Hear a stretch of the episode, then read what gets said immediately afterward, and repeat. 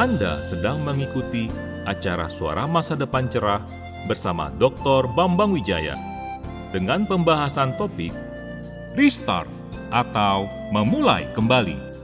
Melalui acara ini, wawasan rohani Anda akan diperluas dan iman serta kasih Anda kepada Tuhan akan diperteguh. Selain program radio ini, Anda juga dapat mengikuti berbagai program inspiratif yang dibawakan oleh Dr. Bambang Wijaya melalui YouTube channel Bambang Wijaya. Selamat mendengarkan.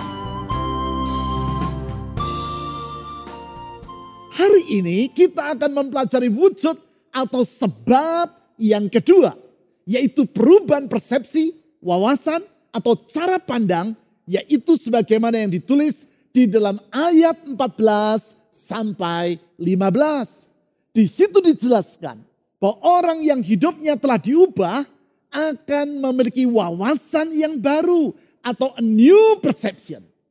Memang hidup di era yang baru dengan tantangan yang berubah ini kita sangat memerlukan wawasan hidup yang bukan saja baru tetapi juga yang benar. Sebab hanya dengan demikian barulah kita akan mampu melewati musim kehidupan yang berubah ini dengan berkemenangan. Untuk memahami hal ini, mari kita membaca ayat yang telah saya sebutkan tadi, yaitu 2 Korintus pasal 5 ayat 14 sampai 15. Sebab kasih Kristus yang menguasai kami. Perhatikan kata sebab di awal ayat 14. Saya ulang. Sebab kasih Kristus yang menguasai kami. Karena kami telah mengerti bahwa jika satu orang sudah mati untuk semua orang, maka mereka semua sudah mati. Dan Kristus telah mati untuk semua orang. Supaya mereka hidup. Tidak lagi hidup untuk dirinya sendiri. Tetapi untuk dia yang telah mati dan telah dibangkitkan untuk mereka. Di ayat-ayat ini Rasul Paulus menjelaskan bahwa sekarang ia hidup dengan wawasan atau persepsi yang baru. Yaitu persepsi tentang dampak dari pengorbanan Kristus terhadap hidup manusia. Di ayat 14 ia menyebut persepsi ini sebagai pengertian atau pemahaman yang baru.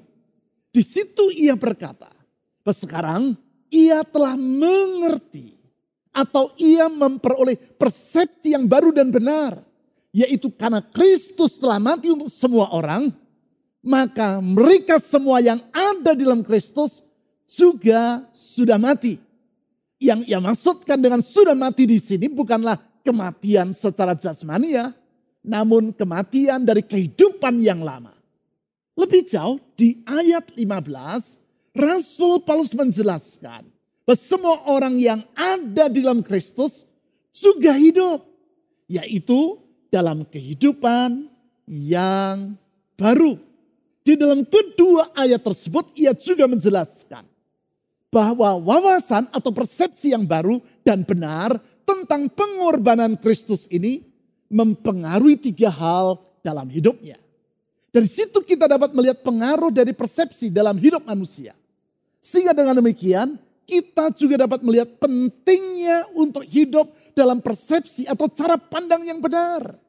Ketiga pengaruh dari persepsi itu adalah yang pertama, persepsi akan mempengaruhi motivasi dalam hidup kita. Saya ulang, persepsi akan mempengaruhi motivasi dalam hidup kita. Memang motivasi yang menggerakkan niatan dan tindakan kita antara lain ditentukan oleh wawasan kita atau cara pandang kita.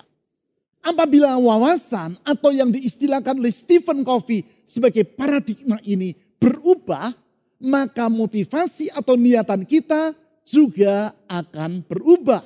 Di dalam bukunya yang sangat terkenal, The Seven Habits of Highly Effective People, atau tujuh kebiasaan dari orang-orang yang sangat efektif, Stephen Covey seorang penulis yang sangat terkenal menceritakan tentang apa yang ia alami ketika suatu hari minggu ia melakukan perjalanan dengan subway atau kereta api bawah tanah di kota New York.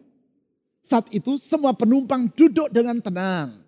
Ada yang sedang membaca surat kabar, ada yang sedang melamun, ada yang sedang beristirahat dengan memejamkan matanya. Di salah satu stasiun, seorang laki-laki bersama beberapa orang anaknya masuk ke dalam gerbong. Ketika kereta subway mulai berjalan kembali, anak-anak itu berteriak-teriak, saling melemparkan barang truk satu sama yang lain. Dan bahkan menarik koran yang sedang dibaca oleh penumpang yang lain. Sementara itu, sang ayah diam saja. Memejamkan matanya dan bersikap tidak peduli terhadap perilaku anak-anaknya yang sangat mengganggu para penumpang dalam gerbong. Melihat hal itu, Stephen Covey merasa sangat jengkel karena beranggapan bahwa si ayah tadi sangat tidak bertanggung jawab. Akhirnya ia tidak dapat menahan diri dan menegur laki-laki tadi dengan berkata, tolong kendalikan anak-anakmu. Mereka mengganggu para penumpang yang lain. Mendengar teguran Stephen Covey, sang ayah tadi seperti tersadar dari lamunannya dan berkata, maaf, seharusnya saya tidak membiarkan mereka berbuat seperti itu. Kami baru saja meninggalkan rumah sakit.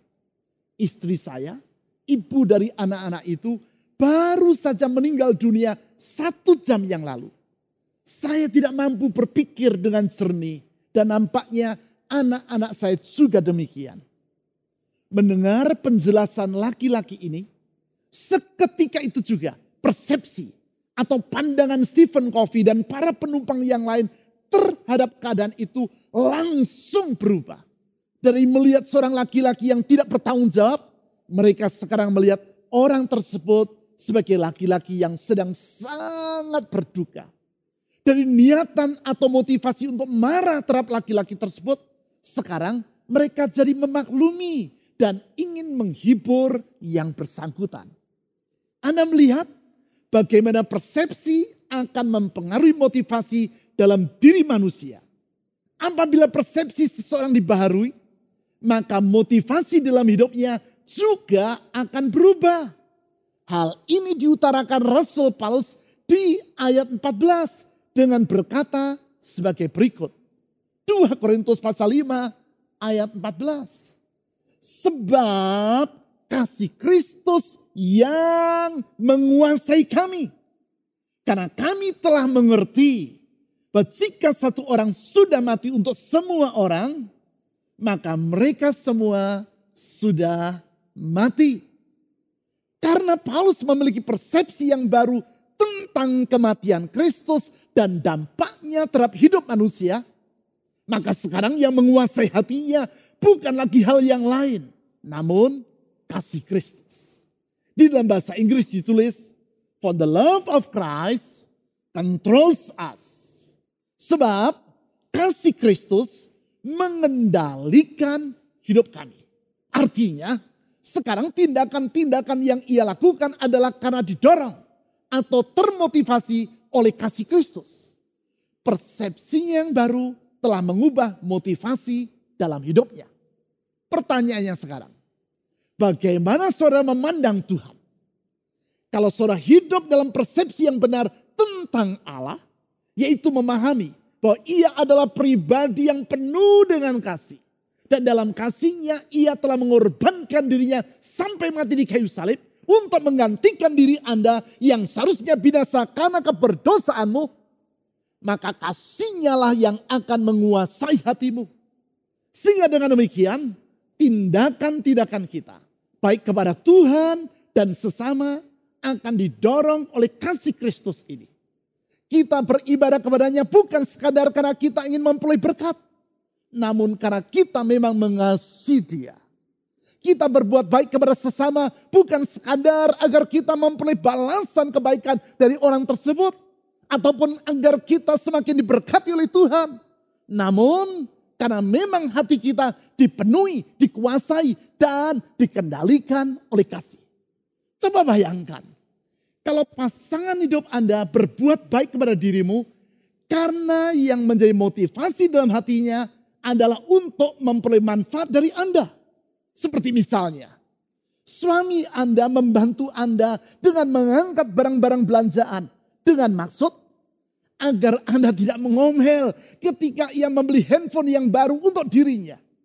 Kalau ia tidak menginginkan sesuatu dari diri Anda, maka ia bersikap tidak peduli terhadap dirimu. Jangankan membantu mengangkat barang belanjaan, mengajak Anda bicara pun tidak. Kira-kira apa yang akan Anda rasakan dalam hati ketika suami Anda mengangkat barang-barang belanjaan tadi? Bergembira? Jelas tidak. Sebab Anda tahu bahwa motivasi di balik tindakan yang ia lakukan bukanlah kasih. Namun karena ia memiliki kepentingan untuk dirinya sendiri. Bukankah hal seperti itu yang sering kita lakukan terhadap Tuhan? Kita berbuat ini dan itu hanya agar kita memperoleh manfaat dari dia.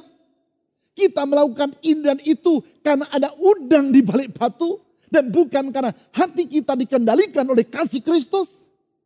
Kalau kita memiliki persepsi yang benar tentang Tuhan, yaitu bahwa ia sangat mengasihi kita, sehingga rela menyerahkan nyawanya dan mati bagi kita semua, maka persepsi ini akan mempengaruhi motivasi dalam hidup kita.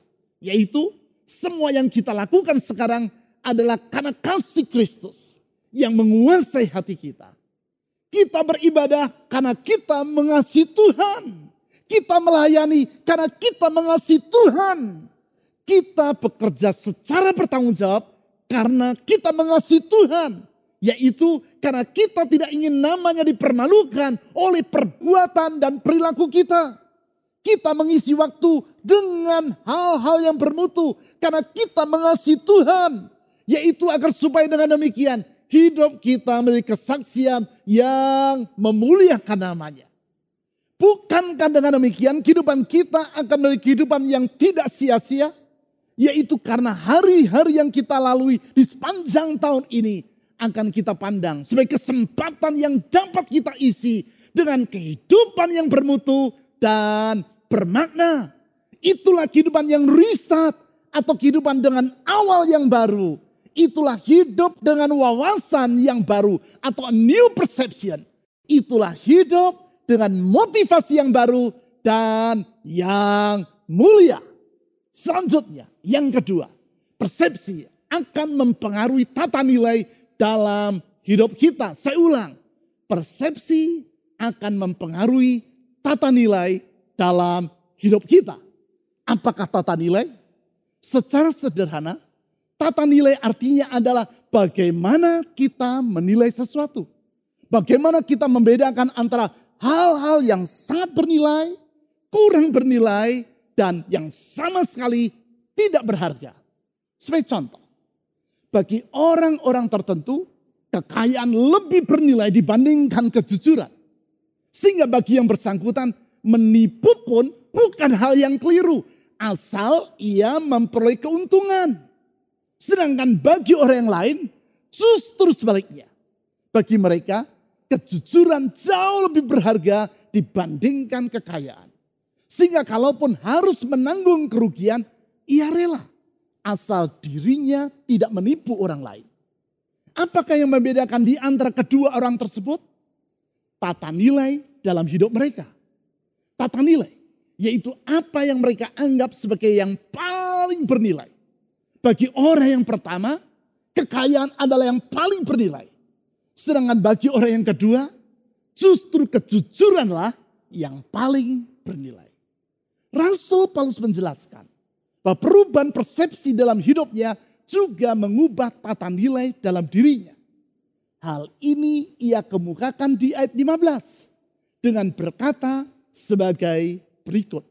2 Korintus pasal 5 ayat 15. Dan Kristus telah mati untuk semua orang. Supaya mereka yang hidup tidak lagi hidup untuk dirinya sendiri. Artinya, kalau semula orang hidup bagi dirinya sendiri, atau yang biasa diistilahkan sebagai hidup secara egois, maka sejak yang bersangkutan memiliki persepsi yang baru tentang pengorbanan Kristus, sekarang ia tidak lagi hidup secara egois. Alias ia tidak lagi hidup untuk dirinya sendiri. Apakah sesungguhnya sikap yang egois itu? Sikap egois adalah pandangan bahwa diri kita jauh lebih penting, jauh lebih bernilai, jauh lebih berharga daripada orang yang lain. Sedemikian berharganya. Sehingga demi kepentingan diri kita sendiri, kita rela mengorbankan atau mengabaikan kepentingan orang lain. Menyerobot antrian merupakan salah satu contohnya.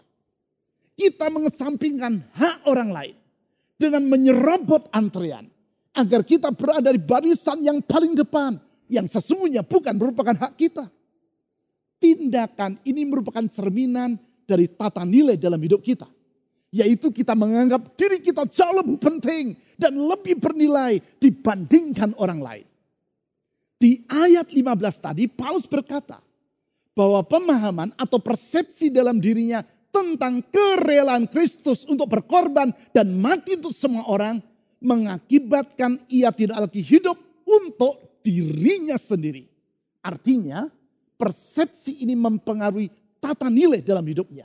Singkat kata, orang yang mengalami pembaruan hidup sehingga menjadi ciptaan yang baru adalah orang yang hidup dengan persepsi yang baru dan tata nilai yang berubah.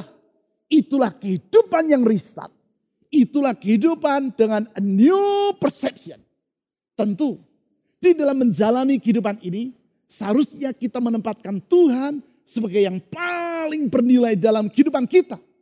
Kita perlu menyadari semua yang pada umumnya diandalkan oleh manusia, entah itu pengetahuan, pengalaman, ataupun kepandaian, sesungguhnya terbatas sekali kegunaannya.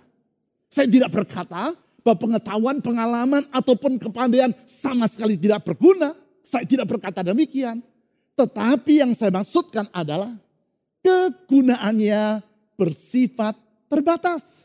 Terbukti ketika menghadapi masa yang berubah dan situasi yang sukar seperti sekarang. Ternyata kepandaian tidaklah dapat menolong manusia.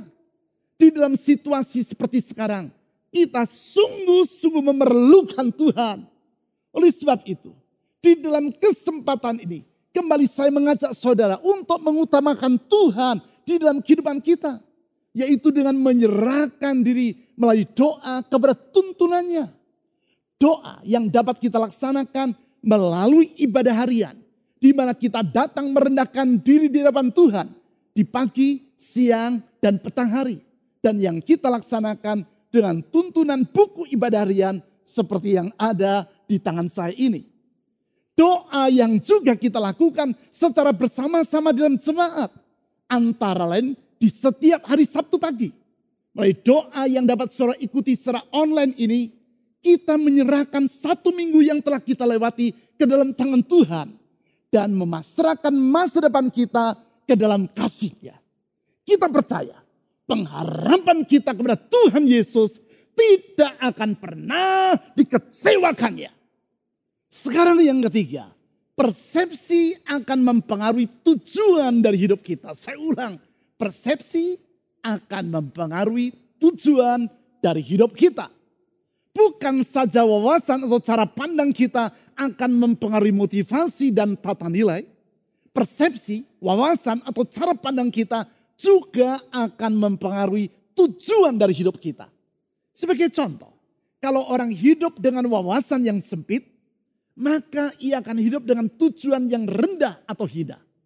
Kalau orang berpikir secara cepat, sehingga ia melihat hidup ini hanya sebatas keberadaannya di dunia yang sekarang ini saja, maka tujuan hidupnya adalah bagaimana ia dapat mengeruk kekayaan yang sebanyak-banyaknya, kedudukan yang setinggi-tingginya, atau ketenaran yang sehebat mungkin di dunia ini. Kalau perlu, segala cara dihalalkannya agar tujuan itu tercapai. Bagi dirinya yang penting adalah sekarang hidup dengan senang. Peduli amat tentang hari esok. Itulah kehidupan yang sesungguhnya sangat miskin. Walaupun dalam pandangan orang bisa jadi dia adalah pribadi yang kaya. Memang secara lahiriah yang bersangkutan kaya raya. Namun secara batiniah ia dalam keadaan yang sangat miskin dan merana. Tetapi tidak demikian halnya dengan orang yang hidupnya telah dibarui oleh anugerah Allah di dalam Kristus. Persepsi dalam hidupnya berubah. Sehingga tujuan hidupnya pun menjadi baru. Hal ini dikemukakan Rasul Paulus dalam kalimat kedua dari ayat 15. Yaitu sebagai berikut. Saya baca dengan lengkap. 2 Korintus pasal 5 ayat 15. Dan Kristus telah mati untuk semua orang. Supaya mereka yang hidup tidak lagi hidup untuk dirinya sendiri. Perhatikan. Tetapi untuk dia, saya ulang. Tetapi untuk dia yang telah mati dan telah dibangkitkan untuk mereka. Di sini Paulus berkata bahwa orang yang hidup dalam Kristus tidak lagi hidup untuk diri mereka sendiri. Tetapi untuk dia. Yaitu Kristus yang telah mati dan telah dibangkitkan untuk mereka. Artinya sekarang mereka memiliki tujuan hidup yang baru. Yaitu hidup untuk menyenangkan hati Kristus yang telah mengasihi mereka. Sekarang mereka hidup dengan arah yang baru. Yaitu untuk melakukan kehendak Allah di dalam kehidupan mereka sehari-hari. Berulang kali saya berkata, tujuan dalam kehidupan akan menentukan mutu dari kehidupan kita. Tujuan hidup yang bermutu akan menjadikan hidup kita berkualitas mulia. Sebaliknya, tujuan hidup yang hina akan menjadikan hidup kita bermutu rendah. Apakah tujuan hidup yang bermutu? Itulah hidup sesuai dengan maksud Tuhan dalam menciptakan diri kita. Allah menciptakan kita untuk menyenangkan hatinya. Di Pulau Patmos, Rasul Yohanes mendengar para makhluk surgawi menyembah Allah dan berkata, dan oleh karena kehendakmu, semuanya itu ada dan diciptakan. For thy pleasure, they are and were created. Untuk kesukaanmu, for thy pleasure mereka ada dan diciptakan. Artinya, kalau saudara ingin hidupmu yang satu kali ini menjadi hidup yang bermutu, maka hiduplah untuk menyenangkan hati Tuhan. Artinya, kalau saudara ingin tahun yang sedang kita jalani ini, bukan sekadar sebagai tahun yang sukar, tetapi terlebih lagi sebagai tahun di mana saudara dapat mengisinya dengan kehidupan yang penuh makna maka hiduplah dengan tujuan yang baru, yaitu hidup untuk melakukan kehendak Tuhan. Itulah hidup yang riset, hidup dalam awal yang baru. Itulah hidup dalam wawasan atau cara pandang yang baru dan benar, a new perception. Itulah hidup dengan pemahaman yang baru, di mana kita memandang Tuhan dengan pemahaman yang benar, di mana kita menilai diri kita sendiri dengan penafsiran yang benar, di mana kita melihat lingkungan di sekitar kita dengan pendapat yang benar. Persepsi yang baru dan benar yang akan menentukan masa depan kita. Sehingga dengan demikian, kita akan melewati hari-hari yang ada di depan kita. Bukan dengan rasa gentar, tetapi dengan percaya bahwa Allah yang mengasihi kita dalam Kristus Yesus tidak akan pernah meninggalkan maupun membiarkan kita. Bersama dengan Allah, kita akan melakukan perkara-perkara yang besar di luar Kristus. Kita bagaikan lima orang yang buta yang ingin memahami seekor gajah. Karena masing-masing mereka memegang bagian yang berbeda dari tubuh sang gajah, yaitu kaki, belalai, telinga, ekor, dan badan dari sang gajah, maka mereka memiliki persepsi tentang seekor gajah yang berbeda satu dengan yang lain. Kalau saja mata mereka terbuka, barulah mereka dapat memandang dan memahami si gajah dengan persepsi yang baru dan yang benar.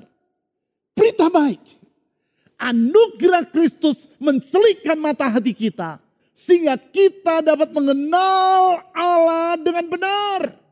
Allah yang mengasihi kita dan yang kasihnya menenteramkan hati kita. Itulah yang dialami oleh seorang bocah berusia empat bulan yang bernama Leo Ripon dari negara bagian Washington, Amerika Serikat. Sejak lahir bocah ini mengalami kelainan genetis sehingga ia tidak dapat melihat dengan jelas. Ia tidak dapat mengenali wajah ayahnya dan ibunya kecuali sesudah meraba wajah mereka dengan tangannya. Para dokter ahli menciptakan kacamata khusus untuk Leo.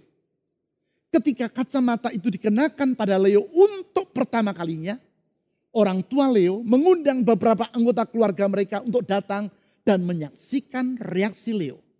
Reaksi ketika untuk pertama kalinya Leo melihat wajah dari ibunya. Sang ibu yang selama ini hanya ia kenal melalui suaranya dan yang baru dapat ia bedakan dari sang ayah kalau ia sudah meraba wajah mereka.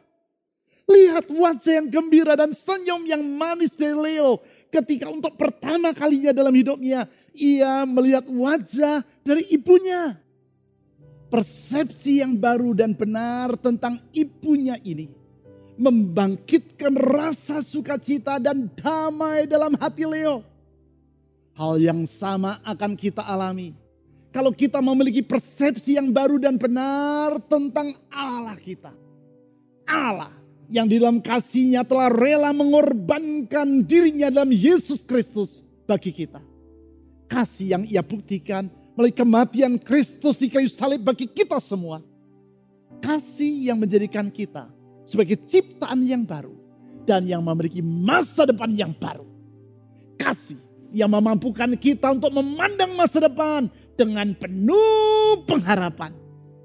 Kasih Allah di dalam Kristus yang membuka lembaran baru dalam hidup kita. Restart. Kasih Allah dalam Kristus yang membuka harapan yang baru bagi diri kita. Restart. Kasih Allah dalam Kristus yang membentangkan cakrawala yang baru bagi kehidupan kita. Restart. Mari kita berdoa. Tuhan Yesus, di dalam engkau kami melihat ada pengharapan yang baru. Dalam kasihmu kami melihat ada hari esok yang baru. Oleh karena itu kami tidak lagi mau hidup dengan cara pandang kami yang lama. Kami tidak lagi mau hidup dalam persepsi kami yang lama tetapi kasihmu yang menguasai hati kami. Kasihmu yang menggerakkan hati kami. Dalam kasih kepadamu, kami ingin hidup memuliakan namamu. Bukan lagi hidup untuk kepentingan diri kami sendiri. Tapi hidup untuk engkau. Bukan hidup untuk kepentingan kami sendiri. Tapi hidup untuk engkau yang telah mati dan hidup bagi kami bagi engkau dan memuliakan namamu dalam kehidupan kami sehari-hari. Tuhan Yesus, saya berdoa untuk semua orang yang sedang mendengarkan uraian firman Tuhan ini. Tolong mereka, mampukan mereka memandang kasih-Mu, sehingga mereka dapat melewati hari-hari yang ada di depan. Menyongsong masa depan bukan rasa gentar, tetapi dalam iman kepadamu. Ulurkan tangan kasih-Mu yang membuka jalan itu Ulurkan tangan kuasamu yang meneduhkan badai itu. Karena di dalam engkau sesungguhnya ada mujizat. Karena sesungguhnya di dalam engkau ada jalan keluar. Di dalam engkau tidak ada yang mustahil. Di dalam engkau selalu ada kemungkinan yang baru. Tuhan Yesus, saya berkata kepada keputusasaan, engkau tidak punya hak atas hidup anak-anakmu. Tuhan Yesus, saya berkata di dalam engkau ada jalan keluar, ada pertolongan, dan ada mujizat yang tidak pernah berakhir. Oleh sebab itu saya berdoa saat ini Tuhan Yesus. Untuk semua orang yang mengangkat tangan kepadamu. Menengadakan hati kepadamu. Ulurkan tangan pertolonganmu. Ulurkan tangan mujizatmu. Sertai dan tuntun hidup mereka. Melewati hari-hari yang ada di depan. Dan di dalam nama di atas segala nama. Nama Yesus Kristus Tuhan Juru selamat yang hidup, kami telah berdoa. Amin.